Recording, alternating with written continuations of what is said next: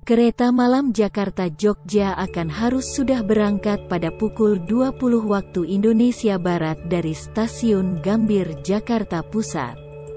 Tak ada regulasi atau tawar-menawar dalam bentuk apa pun terkait dengan jadwal tersebut. Selalu tepat waktu, dan bila delay terjadi pasti karena masalah teknis. Pasti bukan karena sebab menunggu seseorang yang terlambat misalnya. Kereta itu berjadwal ketat demi sebuah kepastian. Ada sebuah keharusan yang nilainya lebih dari apa pun selain keselamatan. Siapa yang boleh ikut, tentu dia yang memenuhi syarat dan ketentuan. Dia yang memiliki dokumen. Dia yang juga sudah beli tiket, dia yang sudah reservasi sebelumnya, dan dia yang datang tepat waktu. Artinya, ada sebuah aturan dibuat dan dijadikan tolak ukur bagi berlakunya sebuah kondisi. Demikianlah zaman berubah, dia hanya terus bergerak ke depan.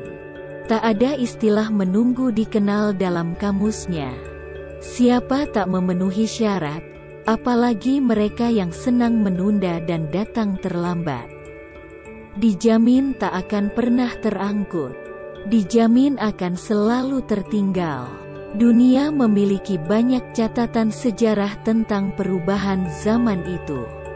Perubahan yang bersifat tiba-tiba itu sering kita kenal dengan sebutan revolusi. Sebuah kondisi berupa perubahan radikal yang membawa dampak sangat nyata dalam cara kita hidup bersama. Ingat revolusi kemerdekaan kita pada tahun 1945? Itu adalah pemaknaan kita bersama atas sebuah kondisi di mana tanggal 16 Agustus tahun 1945 kita masih belum bernama dan dijajah. Dan pada tanggal 17 Agustus kita sudah merdeka dan memiliki nama negara Indonesia. Ada sebuah perubahan sangat signifikan dan sekaligus membawa dampak radikal bagi cara kita hidup bersama dalam berbangsa dan bernegara bahwa peristiwa kebangkitan nasional pada 1908 dan Sumpah Pemuda 1928 adalah bagian melekat atas dimungkinkannya terjadi peristiwa proklamasi yang berakibat muncul makna revolusi. Itu adalah cara sejarah menulis catatan sebagai logis sebuah peristiwa demi keterkaitan sebab akibat. Ada sebuah proses perubahan, namun berjalan dengan cukup cepat bukan? Dalam rentang umur kita sebagai manusia bukan?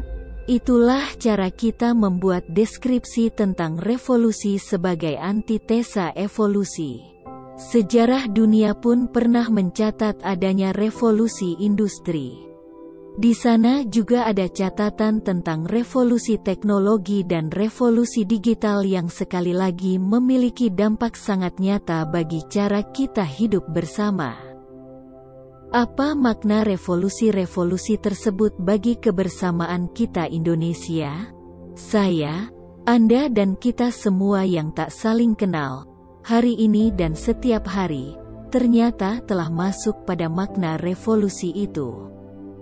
Kita yang tak sekalipun pernah saling bertatap muka atau tak pernah saling mendengar suara kita masing-masing satu dengan yang lain.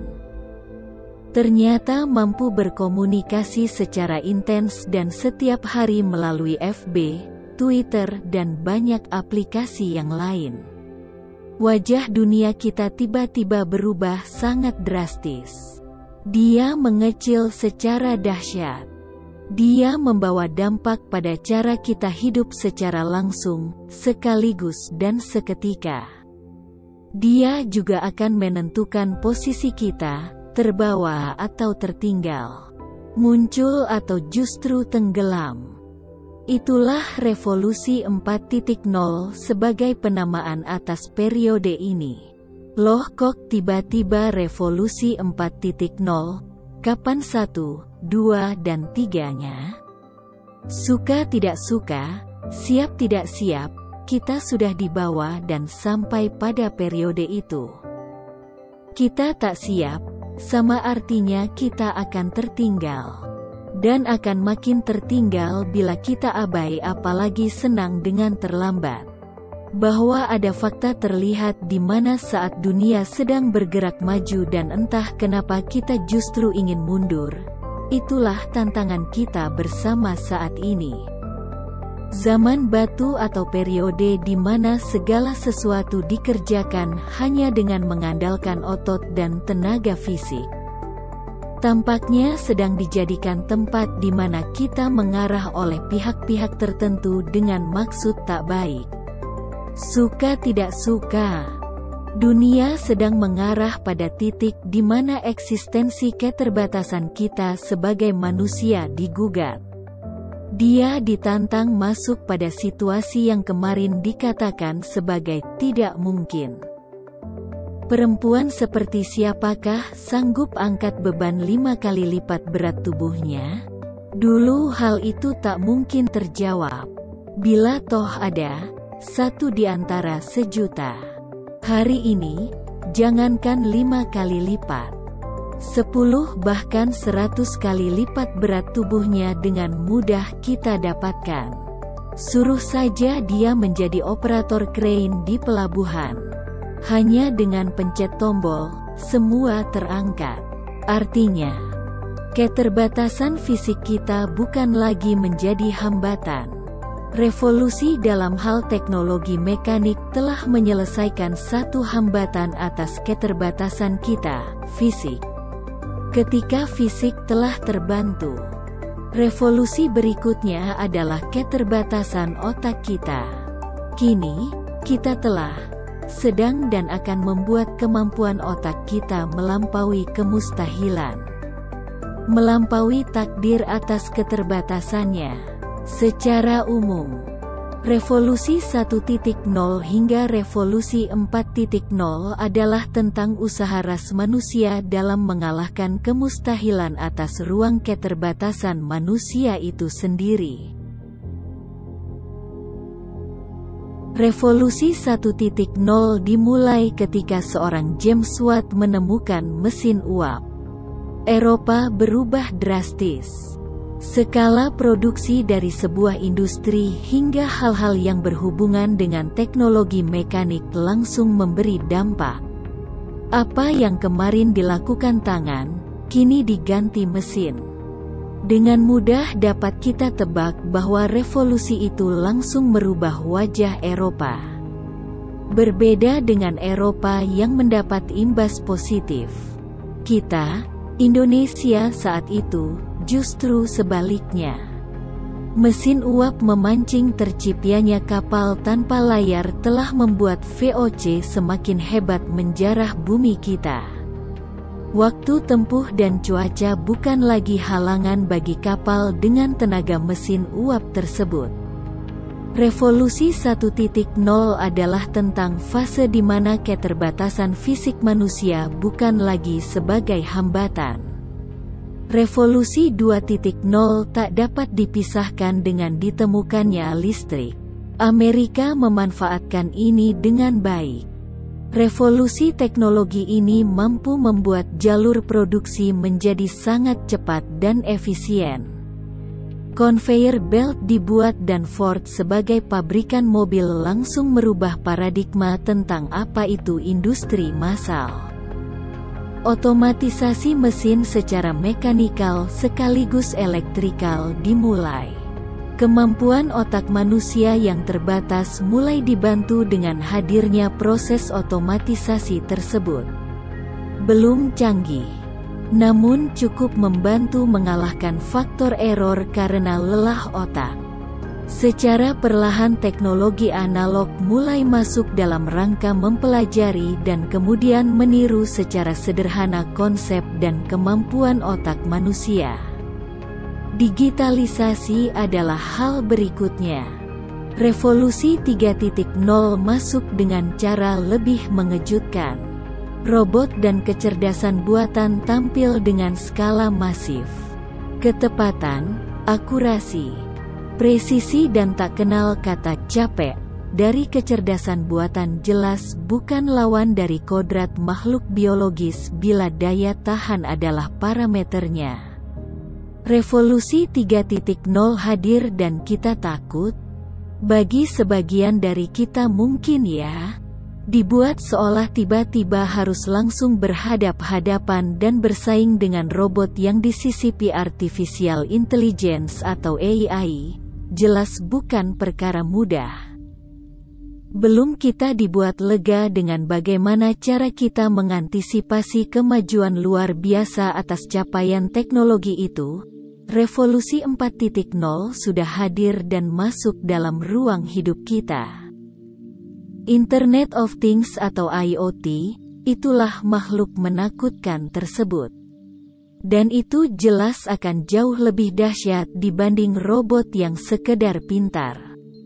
Industri 4.0 dijamin pasti akan menggunakan komputer dan robot ini sebagai dasarnya.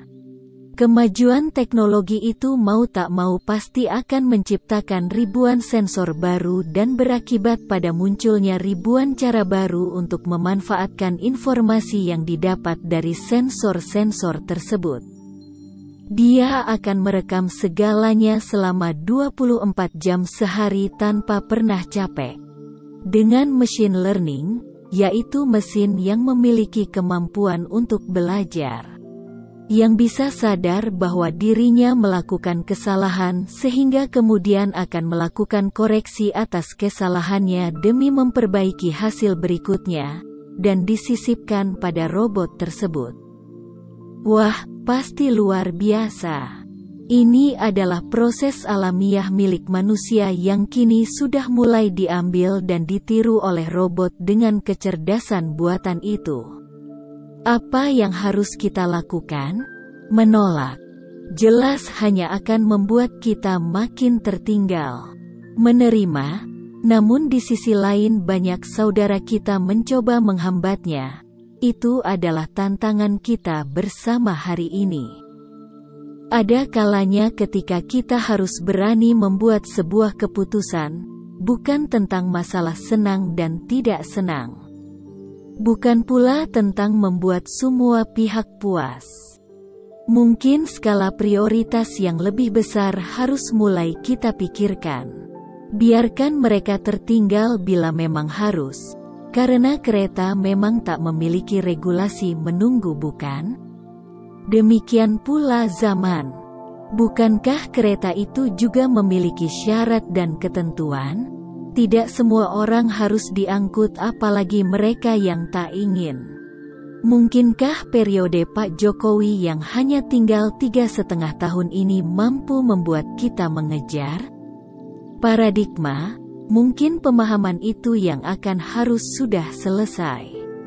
Paradigma bahwa Indonesia sebagai rumah bersama bagi seluruh rakyat Indonesia tanpa sedikit pun jurang pemisah Muslim non-Muslim, Jawa non-Jawa hingga Pri dan non-Pri adalah kunci kita bersama.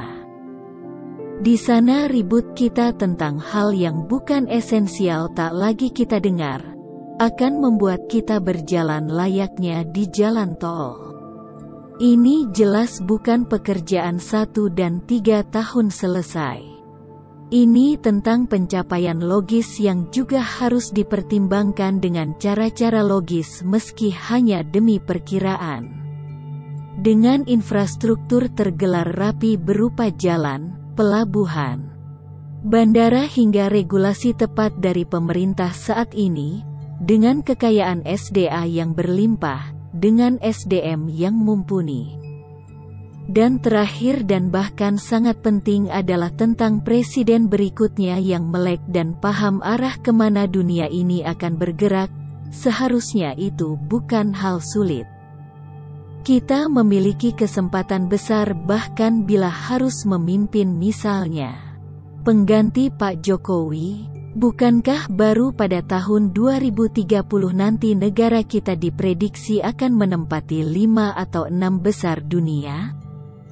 Secara konstitusional Presiden Jokowi akan harus melepas jabatan pada tahun 2024 bukan? Siapa paling tepat menggantikannya pada 2024 kelak agar pada tahun 2030 gelar itu tak lewat? Seharusnya adalah sosok yang paham dan tak buta arah pada ke mana dunia sedang bergerak. Revolusi Industri 4.0 masih akan terus bergerak dan memberi warna dominan pada dunia kita meski Jepang telah mulai membahas revolusi industri 5.0.